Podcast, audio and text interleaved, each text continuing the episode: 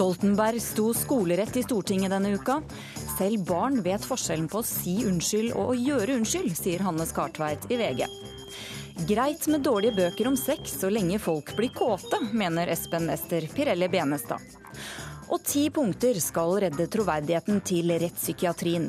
Som å sminke en gammel skjøge for å selge henne om igjen, mener tidligere forvaringsdømt. Velkommen til ukeslutt. Jeg heter Elisabeth Onsum. Vi fortsetter straks, men først får du siste nytt av kollega Christian Norvik. Ansatte i Justisdepartementet føler seg glemt etter at 22.07-kommisjonen kom med sin rapport. Det sier tillitsvalgt i Juristforbundet Sylvia Peters. Justis- og beredskapsminister Grete Faremo har flere ganger etter at rapporten ble lagt frem, pekt på hvordan ledelseskultur må endres, og hvordan både underliggende etater som politiet nå skal gjøre store endringer. Britisk politi har pågrepet en 44 år gammel mann etter at han la ut støtteerklæringer til Anders Behring Breivik på nettsamfunnet Facebook. Det skriver avisen Daily Mail. Mannen skal ifølge avisen ha tilknytning til den ytterliggående gruppen English Defence League. Sju sjiamuslimer er drept i to ulike hendelser i Pakistan, det opplyser politiet. Væpnede menn på motorsykler skal ha dratt fem sjiamuslimer ut av en buss og skutt dem. I en lignende hendelse ble to sjiamuslimer drept da en gruppe menn på motorsykler kjørte mot dem og avfyrte flere skudd. Og nå fortsetter ukeslutt. Jens Stoltenbergs kanossagang til Stortinget denne uka ble historisk. Han er trolig den første statsministeren i Norge som har beklaget foran Stortinget. Men under redegjørelsen etter 22.07-rapporten var det et annet ord som preget talen hans. President, ansvaret for dette, ansvaret for at dette skjer, ansvar Lederes ansvar handler om ansvar. Å ta ansvar. Jeg har det øverste ansvaret. Jeg har det øverste ansvaret. Jeg og regjeringen tar ansvar. Først tok vi ansvar, og så tar vi ansvar for deres ansvar. Det konstitusjonelle ansvar har ansvar. Har det øverste ansvaret. Har valgt å legge dette ansvaret med ansvar også skal ha ansvar og kommunenes planansvar. Ansvarsforvitring, ansvarspulverisering, ansvarsprinsippet ansvarsprinsippet til daglig har ansvaret, også har ansvaret å ta dette ansvaret. Ansvar for det første, har ansvar for det andre. Har ansvar, har ansvar har ansvar når vi snakker om ansvar. Som har ansvaret. Ansvaret for å følge opp. Ansvaret Dette beklager jeg. Det var nok en tung dag for han. Det er klart det var det. Han skulle i Stortinget og, og beklage. I en gråsvart blazer går VGs politiske redaktør Hanne Skartveit mot Stortinget. Hun tror Stoltenberg sleit da han måtte inn og beklage seg foran Stortinget på tirsdag. Tror du han grua seg? Ja, det tror jeg. Det vet jeg ikke nå, men jeg tror det. Jeg ville gjort det hvis det var meg. Skartveit og VG mener Stoltenberg bør gå av, og ville derfor også ha en unnskyldning i tillegg til alt ansvarspratet fra Stoltenberg. Og derfor synes hun ikke det var helt nok med ett beklager på en tre kvarter og 4500 ord lang tale jeg tror nok at Stoltenberg mener veldig dypt at han beklager. Han er jo i likhet med alle andre i Norge veldig, veldig eh, lei seg for det som skjedde. Men det vi lærer i barnehagen er at det er forskjell på å si unnskyld og å gjøre unnskyld. Og hans beklagelse var veldig sterk i parlamentarisk sammenheng. Det å stå på Stortingets talerstol for en statsminister og si beklager er sterkt. Faktisk er det ingen som kan huske at en statsminister har gjort det før. Men han tok det jo ikke noe på seg og henvendte seg på en måte ikke til etterlatte ofre og sa 'jeg gjorde ting feil'. Og det tror jeg nok mange skulle ønske han hadde gjort. Er du flink til å be om unnskyldning, da? Jeg prøver å si unnskyld når jeg har gjort noe galt. Eh, men det må nesten spørre andre om om jeg gjør det nok. Når var det du gjorde det sist, da? Husker du det? Nå blir det litt privat her. Ja. Hvis jeg av og til blir for sint på barna mine, f.eks., så sier jeg unnskyld etterpå. Jon Risdal har skrevet boka 'Unnskyld'. Han mener det er vanskelig å be om unnskyldning. Det er den viktigste, vanskeligste språkhandlingen vi kan gjøre. Det handler om å vise at vi er forferdelig lei oss. Og det er vanskelig i privatlivet og mye, mye verre i det offentlige. Likevel mener han Stoltenberg klarte seg bra. I talen hans så ga han jo litt til alle. Så nei, han la seg jo ikke helt flat, men han kanskje la seg halvflat. Men det går bra å prøve å, prøve å gjøre begge deler? Du skal være veldig god retoriker for å få det til. Og Stoltenberg er jo ganske god. Um, så jeg syns han klarte det, ja. Han mista jo foten sin, vet du, han der. 22. juli, men nå har vi fått den på igjen. Tilbake ved VG-huset stopper Skartveit ved den velkjente VG-skulpturen. En mann som sitter på en benk og leser avisa. Dere har satt den på? Ja, Foten hans lå inne i resepsjonen der en eh, periode, men nå er den reparert. da. Sitter han på benken og leser VG. Og han blir sittende? Han blir sittende. ja, han blir sittende. Akkurat som statsministeren. Ja, Det var to- reporter Torkjell Tredal som vandret mot Stortinget med Hanne Skartveit. Over 40 millioner mennesker har så langt kastet seg over Fifty Shades of Grey. En bok om et sadomasochistisk forhold mellom en ung kvinne og en forretningsmann. Denne uka kom den på norsk. Boka pirret nysgjerrigheten til reporter Linn Beate Gabrielsen, som oppsøkte det norske SM-miljøet. Orker du mer nå? Ja. Ja, den, er, Ja, den var den- overraskende snill, egentlig. Den høres veldig fæl ut. Men, Ja, men kanskje det er noe av tanken også. det, er, det er ofte mye verre enn Det høres mye verre ut ofte enn det det faktisk føles, da. Men eh,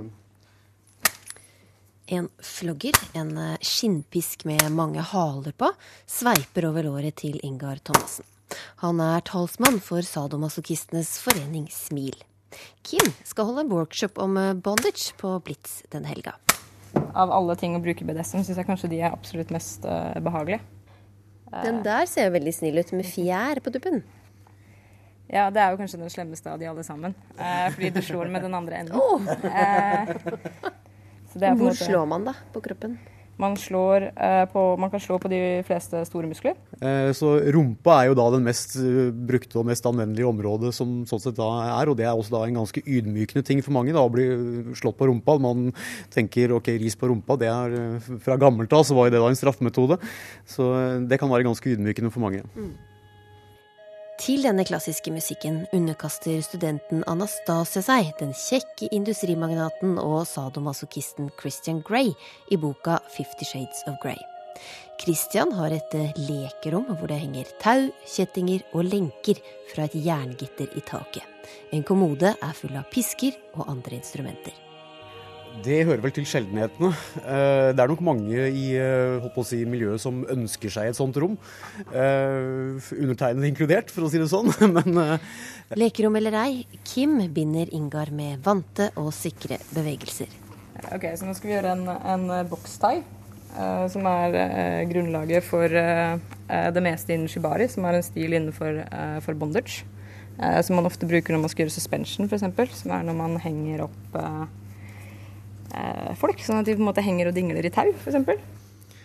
Men nå sitter jeg godt fast. Ikke sjans til å komme seg løs av dette her, det skal jeg love. Hvor lenge orker du å stå bundet sånn? Det kommer helt an på hvordan man blir bundet opp, egentlig. Eh, Sånn som dette her, så kan jeg godt stå i holdt på å si, nesten timevis. Forlaget er så sikre på at også vi nordmenn er klare for litt eh, litterær sadomasochisme at de har trykket opp 50 000 eksemplarer. Utenfor en bokhandel i Oslo sentrum har de satt opp et bokeksemplar på størrelse med et utstillingsvindu, og folk lar seg lokke. Jeg ble litt nysgjerrig faktisk når jeg så Siv Jensen hadde anbefalt den så varmt. Hva, hva frister med boka? Nja Vi er vel så lette vi mennesker at når det står erotikk og spenning og mørke hemmeligheter, så er det vel det vi må ha. Nei, jeg, jeg, jeg har lest mye om den, så jeg ble litt nysgjerrig. Du skal ikke kjøpe den, da? Nei, eh, kanskje til kona. Ja. Jeg synes den passer bedre for henne. Jeg tror det. Er ikke det en damebok, da? det, eller er det for at vi skal få innsyn i damenes behov, kanskje? Og nok en gang slår han meg over brystene. Jeg skriker. Og det er en deilig pine, knapt utholdelig. Behagelig, nei, ikke med det samme, men når det svir i huden etter hvert slag, helt i takt med musikken i hodet, blir jeg dratt inn i en mørk del av psyken min som overgir seg til denne voldsomt erotiske opplevelsen. Men hvor troverdig er egentlig boka, ifølge dem som har greie på det? Jeg kjenner meg ikke helt igjen i holdt på å si, følelsene der. Eh, For meg så er det følelser på en litt annen måte enn akkurat den derre eh, veldig konsentrert seksuelle greia, kanskje. Det går mer, mer i hodet på meg at eh, Eh, mer denne her, holdt på å si, hjelpeløsheten og det å sitte fast. Og eh, at man er prisgitt den andre på en måte. At man er helt avhengig av den andre parten. Og det samspillet der, mer enn akkurat den der reine sexbiten, kanskje. Han teaser henne med å fortelle henne at det hun vil ha, det får hun ikke. Um, som jeg tror noen BDSM-ere kan, kan, kjenne seg igjen i. da. Hva tenker dere om at uh, denne boka, 'Fifty Shades', uh, med Mm. med BDSM-beskrivelser nå kalles for husmorporno. At det liksom er husmorporno. jeg tenker jeg. Det er husmorporno.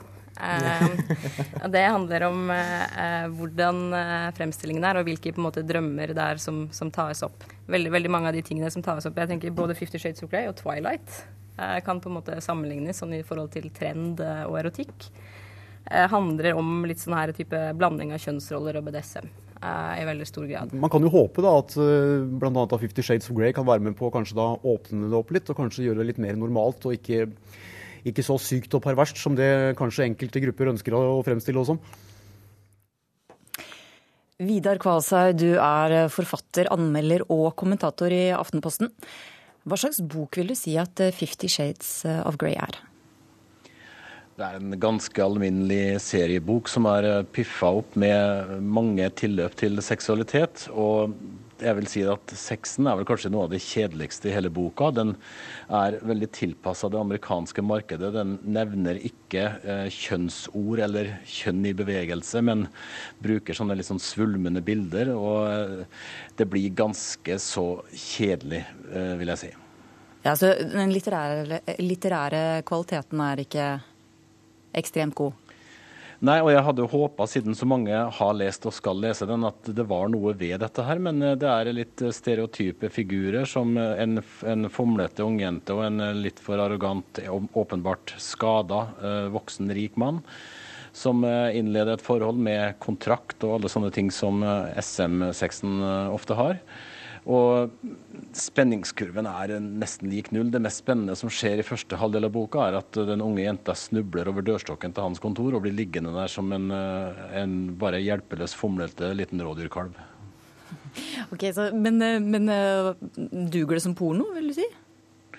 Jeg skulle jo ønska det. Her i Norge så er vi jo vant til litt mer saftige beskrivelser og navns nevnelse på, på kjønnsorganer. Eh, men eh, vi får håpe at det denne boka kan eh, gi til norske folk, er at hvis voksne leser den sammen, så kan de kanskje få det litt mer morsomt mellom dynene. Kan det, kan det få andre effekter? Ja, Sannsynligvis så kan jo Jernia-kjeden selge både mer tau, karabinkroker og kjetting. Nei da, nå, nå, drar jeg litt på, men det handler om at dette er egentlig ikke så spennende som det har vært uh, hypa veldig lenge i USA at det skal være dette er litt tamt, syns jeg. Jeg har lest atskillig saftigere ting på norsk før. Men den har solgt eh, enormt bra, da? Ja. Gått forbi det, Harry Potter og Ja da. Og det er ikke gitt at eh, kvalitet og høyt salg henger sammen. Selv om det var tilfellet med Harry Potter, så er det ikke tilfellet med den eh, første boka i den serien og salget av den. Espen Ester Pirelli Benestad, du er professor i sexologi eh, ved Universitetet i Agder, og du har også gitt ut noen sexbøker. Eh, men da kan vi kanskje si av den mer kliniske sorten. Trenger Norge en bok som Fifty Shades? Ja, For det første har jeg ikke utgitt en eneste sexbok, men noen sexologibøker. Og det er ikke akkurat det samme. Okay. De som skriver om historie, de lager ikke nødvendigvis historie. Så bare så det er sagt. Mm. Ja, altså det, jo, det, jo, det, vil jo vise seg, da. Det er iallfall helt åpenbart at Libris i Grimstad har stor tro på den. For der var det ikke noe annet i vinduene i dag når jeg gikk forbi. Så, så her må, må, man vel ha en tro på at det amerikanere liker. og det synes for meg mest som det dreier seg om amerikanske kvinner. Hva de liker, og det skal også være godt for norske damer. Så, så det. Utover det så, så, representerer vel denne boka da noe av det som er eh, sexologiens grunnsetning.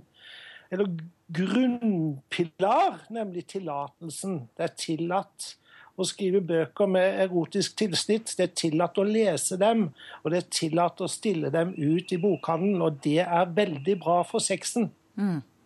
Du har fått lest litt. Eh, hva syns du? Ja, det var jo som eh, det var litt sånn småkoselig da, med en, med en eh, underliggende spenning om at her kom det nok til å skje noe. Men det skjedde ikke så veldig mye på de 20 sidene jeg leste. Men jeg er jo fra Sørlandet, så jeg kan godt vente på at det Alexia Bovim, du har skrevet tre bøker om kåte vestkantfruer. Eh, Den siste kom nettopp ut. Hvorfor eh, skriver du om sex? Jeg har ikke skrevet tre bøker om kåte vestkantfruer, men jeg har gjort det nå. Nå har jeg skrevet 'Golddigger'. Hvorfor jeg skriver om sex? Mm. Det er rett og slett eh, tilfeldig. Eh, Etter å ha skrevet to andre bøker som folk forventet skulle inneholde veldig mye sex, eh, så møtte jeg faktisk en fyr som fikk meg til å tenke veldig mye sex. Så da var det naturlig etter hvert å bli forfatter å skrive om sex. Og så fant jeg ut når jeg først var i gang, jeg satt og skrev så mye grisete SMS-er rundt omkring, at dette kan du bare putte i bok. Og så leser jeg sånn SNM og sånne ting at uh, altså, uh, Jeg satt sammen med Gyldendal, som sa hun hadde sittet våken, hun oversetteren, veldig søt dame, uh, hele natten etter å ha lest denne boken. da må jeg bare si at du må jo ha det jævlig kjedelig sexliv hvis man syns dette her er pirrende. Fordi det er jo ikke akkurat så veldig sånn altså, altså Anonym, som solgte en haug med bøker en gang. altså For en gangs skyld så hadde jeg håpet at forfatteren rett og slett var anonym. For når jeg ser bilde av henne, og hun sitter og kåter seg opp Hun ser ut som hun liksom sitter og drikker te og spiser yorkshirepudding. Sitter og kåter seg opp at en 21-åring uh, har et sånn kjempespennende forhold til en fyr som uh, vokser og vokser og vokser. Det, det kjøper han ikke. Så, og så ble det skrevet i presen, så det slet jeg litt med. Okay. Men derfor skriver jeg om sex, fordi jeg syns det er gøy. Ja. Også, men, men uh, boka di 'Frognerfitter', som var debutboka di, mm. den solgte jo veldig godt. Da er, er, er, penger en motivasjonsfaktor også? Altså Ikke denne gangen, i forhold til, det er bare de andre gangene, tro det dere er, Men uh, sex er tilfeldig at ble nå. Men uh, jeg er himla stolt over at jeg tok det steget etter faktisk har vært jævlig redd for å gjøre det. Og så skriver jeg veldig maskulint, og så skriver jeg veldig sånn ut ifra sånn som jeg sier selv at det er basert på research, ikke fantasi. Mm. Eh, Kvasa, du har, det er det ikke kanskje så mange som vet, men du har faktisk skrevet eh, en erotisk bok. Um, kan vi avsløre her i ukeslutt? Kan du fortelle litt om den? Nå ja. Det, en, eh, det, var en såkalt erotisk scene i en bok som jeg valgte å ikke gi ut. Eh, men den hadde til gjengjeld et par grønne sånne vaskehansker å by på. Og da blir det jo straks litt kinky å snakke om, blir det ikke det? Ja. ja, fortell litt mer, da. Nei, eh, det var en eh, Altså, da brukte jeg sex eh, som en slags hevn, en slags avstraffelse. En person som kommer tilbake til et sted hvor han ikke har vært på mange år, og så må han på en måte erobre stedet, og det gjør han ved å skulle erobre en kvinne. Han finner sin fars hjemmehjelp. Og eh, hun husker ham, og han har blitt litt kjent, og hun var villig, og han var villig. Så det ble en ganske lang scene, men eh, jeg har ikke utgitt dette, og jeg tror kanskje ikke jeg kommer til å gjøre det. Hvorfor ikke det? Jeg syns ikke det holdt mål. Jeg har en veldig, veldig jeg, jeg, jeg, rødmer ofte når jeg leser eh, erotikk, og det er ikke fordi det er til å rødme av, men fordi det er ganske pinlig. Men du har skrevet det, da, så du har hatt lyst til å gjøre noe med det? Ja, men det å gjøre det, da, Alexia, det å komme dit, det er et langt steg, vet du. det er jo noe rart med det der med, med erotikk, for det at du kan synes det er forferdelig dårlig, og så blir du kåt av det likevel. Det syns jeg nesten er et dilemma. Hva sier dere andre til det? Bra sagt. Ærlig. Jo, det er, det er jo riktig, det man kan jo bli kåt av selv det som er dårlig skrevet, men, men uh, i en uh, bok som utgir seg for å være skjønnlitterær, som har et ordentlig seriøst forlag, som har et seriøst forlag i Norge, og som har Brett Easton Ellis som en slags kickstarter i bakhånd, mm. så forventer jeg noe høyere skjønnlitterær kvalitet enn det vi fikk i første bind her. Så man kan like gjerne lese et pornoblad, eller? Heller. Ja, man, man, kan lese Margit Sandemo hvor en eller annen får hatt seg opp mot en låvevegg. Det, det, det, er ikke dårligere, det. Ganske juicy noen ganger, det, altså. Ja, ja da. Gummihansker og låvedører. Kanskje vi skulle skrive den sammen? Ja, kanskje det. Bennestad, hvis du uh, kunne bestemme innholdet i en, uh, i en erotisk bok, hva skulle den handle om? Og ja, nei, Det hadde vært kjempespennende. Du vet, Jeg ville neppe kunne holde meg unna trans. For du vet, Å litt, ha litt transtalent det gir jo adkomst til veldig mange sensuelle og erotiske ting. Så, og jeg kan tenke meg rolleskifter og rollebytter og, og spennende ting i skapene, og ikke minst under sengene og rundt omkring. Um, så det ville være ganske artig å tenke erotisk og skrive om det. Og klare å både være i sin egen erfaring, for det er jo der man kan hente de inspirasjonene man kjenner best til, og samtidig kunne være i andres erfaring. Det ville være en artig oppgave. Ja. Hva med deg, eh, Alexia? Hva blir neste fra deg? Nei, jeg må bare si at jeg er veldig enig med eh, Espen her. Og det er rett og slett eh, at det er veldig kult å eh, skrive noe du har litt kjennskap til. At det er mye mer pirrende. Jeg ville heller kjøpt en bok eh, om det av Espen enn en eller annen dame som sitter og ønsker sensasjonstall et sted, og som sagt ikke virker troverdig. Nei, Det neste fra meg det blir uh, krim, og så har jeg fått så kick på å skrive om sex fordi det var gøy, så jeg tror jeg fortsetter med det. Krim og sex? Ja. Kvalshaug, da? Nei, Jeg skal skrive om Utøya til neste år, så det er jo i alle fall ikke i den sjangeren. Men uh, jeg, tror, jeg tror kanskje jeg vet hvem som bør skrive sånne bøker i fremtiden. Hvem jeg vil lese sånne bøker av. Og det er 20-åringene, 25-åringene.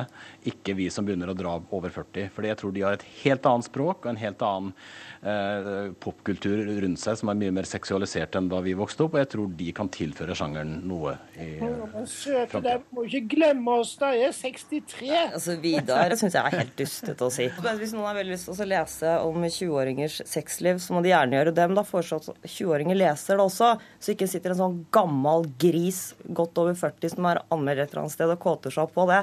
Så jeg foreslår at alle kan skrive om sex. Ja. OK, da, da er vi enige om det. Du hører på Ukeslutt i NRK P1 og P2. Fortsett med det og hør at rettsvesenet ødela livet mitt, sier en som ble dømt til å bo med voldelig far. Sakkyndige har for mye makt i barnefordelingssaker, mener advokat. Og for fire år siden ble hun lam fra livet og ned. Nå svømmer Sara Louise Rung for gull i London. Ja, vi skal rett til London, vi, for eh, der har nemlig gullhåpet Sara Louise Rung svømt eh, forsøksheat i eh, Paralympics. Og reporter Nils Fredrik Røren, er du med oss? Ja, vet du. Det er litt, uh, litt før her inne på Forsøkssenter. Jeg hører deg litt dårlig. Hører du meg? Jeg hører deg. Så fint. Du, hvordan klarte Sara Louise Rung seg i forsøksheatet? Jo, foran eh, det som må kunne sies å være et fullsatt uh, Center med 17 000 ivrige tilskuere, så svømte Sara likte godt eh, inn til beste tid av alle i, i sin kvalifisering på 200 meter fri. Rett og slett, så jo- fantastisk. Hva sa du? Nei, det var da fantastisk. Ja, det er jo en av hennes absolutte favorittdistanser. Eh, og som ventet så vil hun nå, nå være en av, eh, en av de største gullfavorittene når finalen eh, svømmes i kveld klokka åtte norsk tid. Mm, det blir spennende. Men det her er jo en ekstra spesiell dag for henne på andre vis også. Ja, det er det absolutt. For i dag, eh, 1.9, så er det nøyaktig fire år siden Sara Louise Rung ble lam fra liv og med etter at en rutineoperasjon i ryggen gikk forferdelig galt.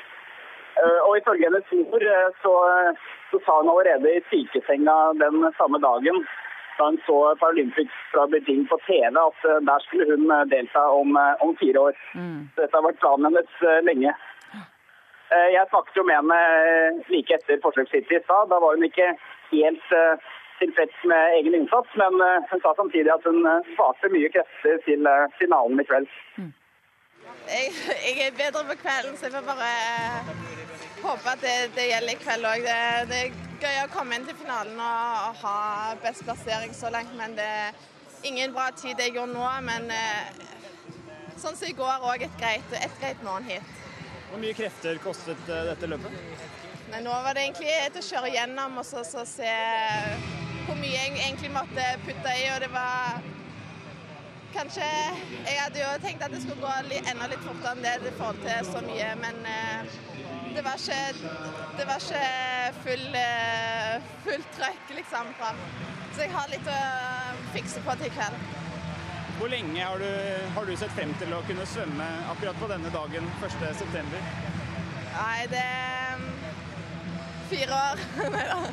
Eh, Det er bare Det er noe jeg har tenkt på lenge. Jeg visste at det var fire år til, fra jeg ble skada til neste OL. Og det har vært et mål å, å bare være her og, og få svømt liksom, på fire år senere etter ulykkene. Det er bare det er herlig. Hva vil det bety da å kunne ta gull eh, for deg nøyaktig fire år etter at eh, du havnet i, i rullestol? Nei, om det skulle skje, så, så hadde det betydd veldig mye. Så får vi se. Det, først er det hovedfokus på, på løpet og mine oppgaver til å, til å eventuelt nå det målet. Hvert år er rundt 2000 barn, 2500 barn involvert i en barnefordelingssak i norsk rett. Noen havner hos en forelder de aldri burde hatt samvær med. De sakkyndige har fått altfor stor makt i barnefordelingssaker, og det går utover barna, sier advokat Thea Totland. Ukesluttreporter Aksel Wilhelm Due har møtt en som mener rettens avgjørelse ødela barndommen hans. Alt raste, og jeg dømte meg selv nedenom og hjem. I en liten leilighet på Østlandet sitter en mann foran meg. Han får navnet Fredrik i denne reportasjen. For ett år siden mistet Fredrik grepet om verden og seg selv. Eh, hvor, hvor, jeg var, eh, følte meg helt evneveik og ubrukelig som person. Og ja, mer eller mindre tenkte nå tar jeg kvelden. Jeg tar faktisk og gjør ende på meg selv, for det her jeg funker ikke. Og det er jo et resultat av alt man har opplevd. Sånn opp gjennom oppveksten. En av grunnene til at alt raste, ligger i en barnefordelingssak mellom foreldrene da Fredrik var liten. Retten la vekt på den sakkyndiges rapport og ga faren samværsrett. På tvers av lille Fredriks ønske. Annenhver uke, eh, eller annenhver helg, skulle jeg være hos eh, min far. Dommen i tingretten fikk store konsekvenser. Eh, det var preget av fyll og vold overfor min fars nye samboer hver eneste gang. Jeg husker vel ikke en eneste gang jeg har vært hos min far da jeg var barn, hvor det ikke var uh, fyll og vold og høylytt krangel. Ja, Her har vi en liten kasse som jeg ikke har orket å åpne ennå. Der, der ligger det 14 kilo dokumenter. Ja, det, det, det, krever faktisk litt, uh, litt initiativ å orke å begynne å se på det, for det er så mye. Advokat Thea Totland er spesialist i barns rettigheter og jobber med barnefordelingssaker. En jobb hun tar personlig. Det gjør jeg. Jeg blir veldig, veldig lei meg. Og øh, tar absolutt med meg jobben hjem. Og det burde jeg jo ikke gjøre. Men det er vanskelig å la være. Totland mener dagens system ikke ivaretar barns rettssikkerhet. Og dess mer alvorlig anklagen om vold er, dess mindre blir barnet hørt. Ansvaret for det legger hun delvis på de sakkyndige. En sakkyndig i, i barnesaker har jo en veldig stor makt. Fordi at den sakkyndige, derav navnet, ikke sant, er, er jo sakkyndig. Den kan, kan, dette med barn, ikke sant. Og i, i vårt rettssystem i dag så, så, er det slik at de fleste dommere har ikke noe spesialkompetanse i forhold til barn. Så de er helt prisgitt det den sakkyndige faktisk uh, konkluderer med. Mange er det. Um, slik at når den sakkyndige er ferdig med sin rapport og har kommet med en konklusjon, gjerne da to uker før man møtes i retten, så, uh, så vet man ofte resultatet, for å si det sånn. I 2009 gjorde Drammens Tidende en undersøkelse som viste at i 96 barnefordelingssaker var dommen den samme som sakkyndigrapporten i 84% av dommene. Jeg syns ikke det er riktig uh, at dommeren skal være så prisgitt den sakkyndiges rapport. Den sakkyndiges rapport bør være et bevis blant mange, og det, det tror jeg egentlig er, eh, var tanken også med ordningen. Men i dag så, så, så veier den sakkyndiges rapport så mye at du kan komme med alle slags bevis i hovedforhandlingen, og det er nesten ikke tilstrekkelig hvis den sakkyndige har sagt noe annet. Uh, og det, det, mener jeg er et rettssikkerhetsproblem. At to sakkyndige kommer til to vidt forskjellige konklusjoner, som i Breivik-saken, er dagligdags i barnefordelingssaker, ifølge Totland. Ofte så ser man jo det også de gangene man klarer å få igjennom at det skal være en ny sakkyndig vurdering. Så kan jo den være helt motsatt av den første. Akkurat som vi har sett i Breivik-saken, og som har sjokkert det norske folk, men som er egentlig ganske hverdagslig i, i barnefordelingssaker. Telefonen som ringer, tilhører en som har over 15 års erfaring som sakkyndig i barnefordelingssaker. Ja, jeg heter Espen Valstad. Jeg er uh, psykologspesialist og jobber med barnevern og barnefordelingssaker som sakkyndig for barnevern og domstolen. Han er delvis enig i at sakkyndige i mange tilfeller får for stor makt. Ja, både og. Eh, jeg tenker I noen saker så får eh, sakkyndige veldig veldig mye makt, fordi eh, retten bruker sakkyndige til å nærmest bestemme for seg. I andre saker så, så bruker retten Eh, sakkyndige til å gjøre utredninger, og så baserer de beslutningen sin på utredningen. Sakkyndige som jobber med barnefordeling i Norge mangler kompetanse, forteller Hvalstad. Av og til kan ikke psykologene gi noe klart svar til retten. Det fins noen saker hvor jeg, hvor, hvor jeg, ikke føler at jeg har kommet til bunns. Uh, hvor jeg må levere fra meg et materiale som jeg ikke er uh, tilfreds med. Uh, men da forsøker jeg jo å gjøre rede for det. Tilbake i den lille leiligheten på Østlandet sitter Fredrik og tenker over hvordan livet kunne blitt. Vel, jeg kunne kanskje hatt det bra med meg selv. I form av det at jeg er jo en ganske stressa person. Jeg reagerer lett på, på situasjoner. Jeg har temperament. Jeg har vokst opp med kanskje 150 000 timer med eh, alkoholmisbruk eh, vold, krangling.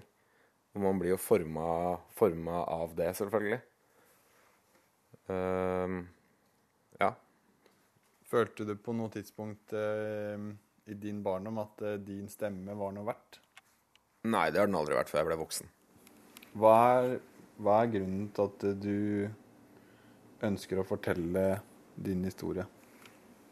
Fordi jeg syns det er ufattelig viktig. Eh, Samtidig er det altfor mange barn som faktisk lider på sikkert usannsynlig mange forskjellige områder, og som kommer til å få senskader pga. at det norske rettssystemet ikke fungerer, og pga. at det norske rettssystemet faktisk baserer eh, et barn sin framtid i en barnefordelingssak med bakgrunn i en person som har truffet barnet til sammen kanskje seks timer. Det er ikke godt nok. Og da, da, da feiler eh, sakkyndig feiler og rettssystemet feiler, som legger all sin lit til én person. Inga Marte Torkelsen, du er barneminister. og Vi vet jo at dette er saker som opptar deg. Men nå hører vi altså at de sakkyndige innrømmer at de gjør alvorlige feilvurderinger. Hva skal du gjøre for å hjelpe disse barna? Ja, det er flere ting som eh, vi skal gjøre, og som eh, vi også har gjort. Eh, noe av det går på kompetanseheving. Både overfor sakkyndige og overfor dommere. I tillegg til det så har vi nå flere forslag på høring som handler om at vi ønsker å heve terskelen for når man idømmer samvær. Og dommerne skal snakke med barna. De skal også informere barna om utfallet i saken. Det vi eh, mener å ha sett gjennom eh, den gjennomgangen som vi sammen med Justisdepartementet har gjort i mange av de sakene her, det er eh, at dommerne både i for liten grad snakker med barn, belyser barns situasjon, og at de i for stor grad tyr tilsyn som en slags sikkerhetsventil. Vil si at Hvis de er usikre på om eh, samvær er eh, lurt, f.eks. hvis det er snakk om vold eller overgrepsproblematikk, så sier man at ja, da kan man ha tilsyn, og så håper vi at barnet og forelderen eh, finner ut av det etter hvert. Og Særlig hvis det da har vært vold mot mor, eller det kan også være en far som har den daglige omsorgen. Mm. Men når skal disse tiltakene settes ut i livet? Fordi allerede i 2009 så hadde dere en rapport på bordet som sa at, eh, at saksbehandlingen i barnefordelingssaker var for personavhengig, og at arbeidet med sakkyndigrapporter ikke alltid var grundig nok. Det kom fra, fra miljøene selv. Mm, så hvor lang tid skal vi vente? Ja, Det er ikke sånn at vi sitter og tvinner tommeltotter akkurat. Det er jo sånn at Vi har gjort ganske mye, men jeg mener at vi må gjøre langt mer. Og vi må gjøre en del kontroversielle ting. Og Noe av det har vi på høring. Det har eh, fått noe motstand bl.a. fra dommerhold, men vi opplever også at domstoladministrasjonen som eh, administrerer dommerne, er klar over at de er nødt til å gjøre mer. Og det gleder meg. Eh, og så kommer vi med en rekke forslag nå som også kommer til å være kontroversielle og kommer til å vekke debatt. Jeg mener at vi er nødt til å Hva går de ut på? Ja, det kan jeg ikke si foreløpig, fordi at eh, vi sender det snart ut på høring. så jeg kommer tilbake til det ganske snart. Eh, men det dreier seg jo om at vi må ta konsekvensen av eh, hvor alvorlig det er når barn blir utsatt for vold og overgrep. Og at hvis, hvis, det er tvil, så skal den komme barna til gode. Det ser vi har skjedd i for liten grad, og det må skje i større grad framover. Inga Marte Torkelsen, takk skal du ha. Rettssaken mot Anders Behring Breivik har gitt rettspsykiatrien noen stygge riper i lakken. Fire anerkjente rettspsykiatere kom som kjent til to helt forskjellige konklusjoner, og den ene ble vraket fullstendig av retten. Halvard D. Pettersen, du er tidligere forvaringsdømt, men sitter også i styret for eh, Norsk forening for kriminalreform. Psykiatere er like lite egnet som rørleggere til å bedømme farlighet hos en tiltalt, sier du i en kronikk i Dagbladet. Hva mener du med det? Ja, med det mener jeg eh, akkurat det jeg skriver. At, eh, at slik er det. Altså farlighet eh, i fremtiden er ikke noe som man behøver verken psykiatere eller psykologer for å, for å, å, å bedømme. Eh, det er eh, knyttet til en, en rekke kjente faktorer som, som uh, alminnelige mennesker kan, kan, bedømme ut fra selv. Det er uh, historiske faktorer, selvfølgelig. Altså dersom en mann uh, 18 ganger har gått løs med kniv i fylla, så må man kunne anta at det er stor sannsynlighet for at han vil gjøre det en 19. gang også. Men det er vel kanskje ikke alle uh, tilfeller som er like opplagte, kanskje? Nei, men, men eh, det, det, Man vet at, at farlighet er knyttet til utenforskap. Altså sosialt utenforskap hva angår altså uten arbeid, uten bosted, uten utdannelse uten familie, venner eller nettverk, gjerne eh, kanskje et rusproblem, altså slike ting. Eh, det kan en sosionom kartlegge på anmodning fra domstolen, og så gjøre en personundersøkelse. Det behøver man ikke psykiatere eller noen diagnose for. Ja, Så du har liten tillit til psykiaterne, det forstår vi. Men hvorfor, hvorfor har du så liten tillit til dem? Jeg tror uh, mange flere enn meg har liten tillit til, til psykiaterne. De har nettopp fått uh, åpenbare seg, hadde jeg nær sagt, i, i all sin hjelpeløshet i denne 22. juli-rettssaken. Pål Grøndal, du er psykolog, og du har også skrevet en doktoravhandling om norsk rettspsykiatri. Hva sier du til denne kritikken? Ja, for det første så har jeg lyst til å si at jeg syns det er fint at eh, hva skal man kalle det, brukere engasjerer seg i denne debatten. For det har jo vært veldig mye ekspertvelde som har stått mot hverandre og med hverandre foran mikrofonen i, i tinghus og andre steder. Og jeg leste jo denne kronikken uh, her i går. Jeg syns det var morsomt skrevet. Jeg syns det er bra. Samtidig så syns jeg at det kommer fram en del påstander som, som jeg syns er nokså barokke og underlige og, og merkelige. sånn at jeg, jeg, jeg, henger ikke med. Ja, hvilke da? Ja, jeg syns f.eks. at uh, påstander om at det nå er stadig faste makkere vi gjør svært sjelden et grundig arbeid. Kun unntaksvis samtaler de sakkyndige med observanten mer enn en time eller to. Ofte ikke i det hele tatt. Dette har han ikke noe belegg for. Eller jeg vil svært gjerne høre det belegget. Pettersen, vær så god. For du har også blitt eh, observert, eh, kan ja, vi si. For du er tidligere varetekt. Nå blir jeg jo omtalt som bruker av Grøndal. Jeg vil vel nærmest si at jeg er ekspert. Jeg har ikke bare selv vært gjennom denne kverna et antall ganger. Eh, men jeg er kjent med, med, en rekke eh, andre som har vært gjennom og, og, har, og har, sett gjennom ganske mange eh, såkalt sakkyndigerklæringer opp gjennom årene. Ja, For du påstår at rapporter blir skrevet uten at man blir intervjuet engang? Det skjer. Ja, men det skjer altså sjelden. Jeg gjorde en undersøkelse om dette her i 2009. Jeg gikk gjennom 100 drapssaker. Og det var kun i to tilfeller at de sakkyndige ikke hadde snakket med, med, det vi kaller observanten, den som undersøkes. Men er ikke det ganske alvorlig? Jo, men i begge de, de erklæringene så sto det helt klart tydelig hvorfor kunne de ikke snakke med vedkommende. I et, et av tilfellene var vedkommende så hjerneskadet at det var ikke mulig å få kommunikasjon. Det er ikke sant, dette ryktet som settes ut at vi ofte ikke snakker med observanten. Dessuten så er bevisstheten rundt rettspsykiatrien nå blitt betydelig høyere enn det som sies her om siden 50-tallet. På 50-tallet så hadde man mye mer stor, stor tro på autoriteter, professorer, doktorer med fine titler. Det har man redusert betydelig. Vi blir gjenstand for ganske mye krass kritikk og spørsmålsstilling i rettssalene. Så det er ikke riktig som han skriver, at dette skjer utenfor offentlighetens lys. Så er det to litt forskjellige virkelighetsoppfatninger. Men, men Pettersen, du har jo blitt eh, observert. og Kan du si noe om hvordan det foregikk?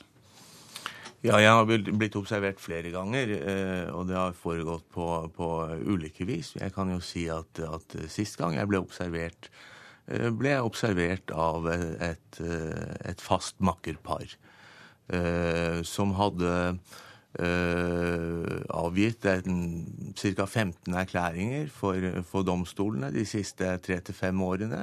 Alle sammen på oppnevnelse fra påtalemyndigheten. Eh, og alle sammen med den samme diagnose og vurdering og konklusjon. Eh, så jeg mente at terningene var fikset, og at det var meningsløst å snakke med disse. I og med at de, de, de har, eh, stiller diagnosen på forhånd og, og skriver rapporten etterpå.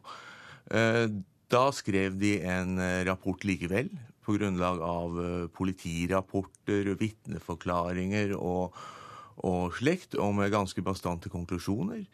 Eh, rapporten ble underkjent av den rettsmedisinske kommisjon, som sa rett ut at de kunne ikke se at de hadde grunnlag for å konkludere på et så spinkelt eh, materiale.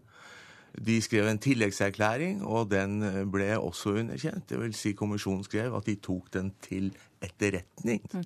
Men hva, eh, hva slags bilde var det de tegnet av deg? Det var lite flatterende.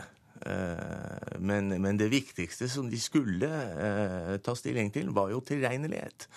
Og, og, det er jo jeg opptatt av. At det er eh, Det må man av og til ta stilling til tilregnelighet. Men det er også alt vi behøver sakkyndig ekspertise til i, i rettsvesenet. Mm. Men hva endte rapportene med for din del?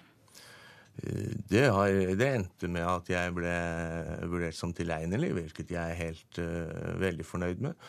Uh, og at jeg ble idømt forvaringsstraff. For du var farlig? Jeg var farlig, ja. Grøndal? Jeg hører historien din, og jeg tror det er bra vi får det fram. Eh, jeg syns det.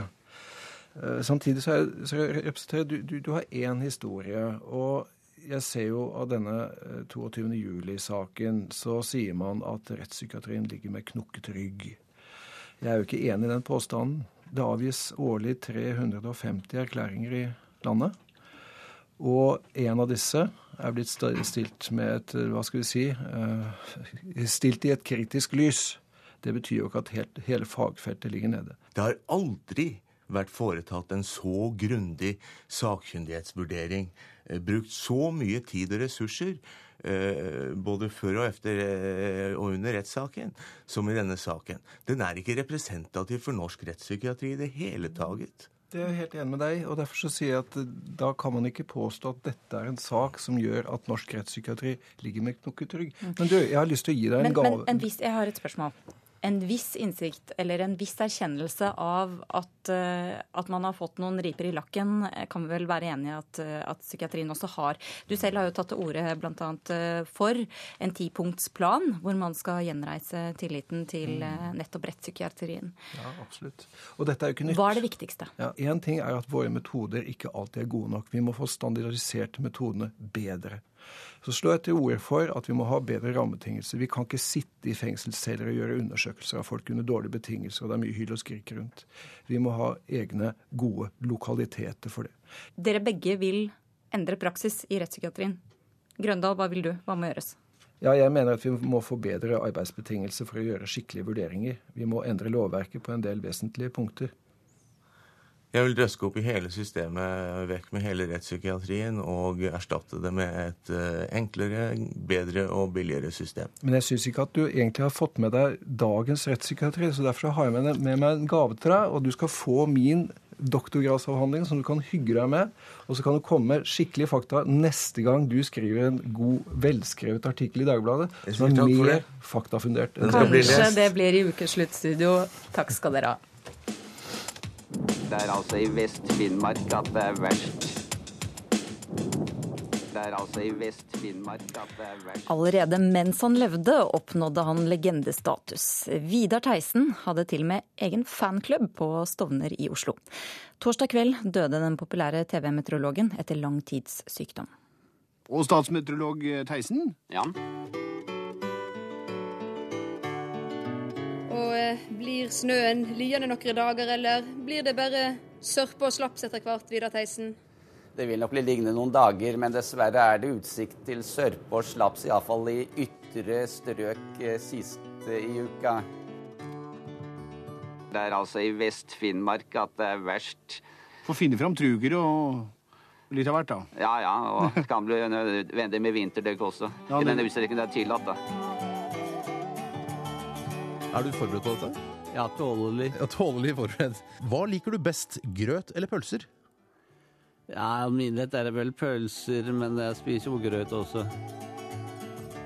Og statsmeteor, hvordan blir juleværet? Ja, den som bare visste det. Det er den som har plaget kona litt med heavy metal.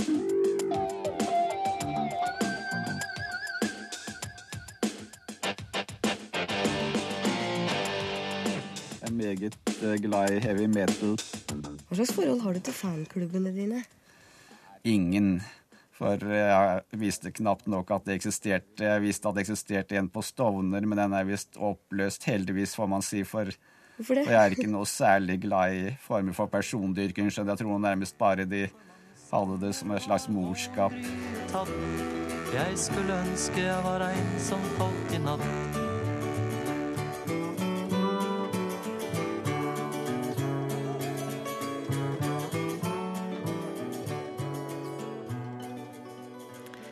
Det var Kari, kollega Kari Li som hadde satt sammen innslaget.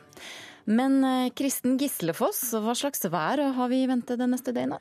Ja, det ser ut til å bli litt, vær, litt av hvert, og stedvis kan det også bli ganske mye vind. Men vi får ta eh, detaljene etter hvert og begynne med temperaturutsikter. I Møre og Romsdal ventes uendret temperatur, og i Trøndelag uendret eller litt lavere temperatur. Og i resten av landet så blir det uendret eller litt stigende temperatur. Når det gjelder fjellet i Sør-Norge, så ventes det altså vestlig frisk bris utsatte steder. Etter hvert litt regn i vest, sent i kveld også litt regn i østlige områder. Søndag opp til sørvestlig kuling utsatte steder med regn, vesentlig i vest fra om ettermiddagen. Vestlig frisk bris utsatte steder med regnbyger, det blir flest byger i vest. Når det gjelder Agder, Telemark og Østlandet, så ser det ut til å bli sørvestlig frisk bris på kysten. I kveld opp til sørvestlig liten kuling på kysten av Østlandet. Fra sent i ettermiddag litt regn fra vest. På Østlandet ventes litt nedbør fra i natt.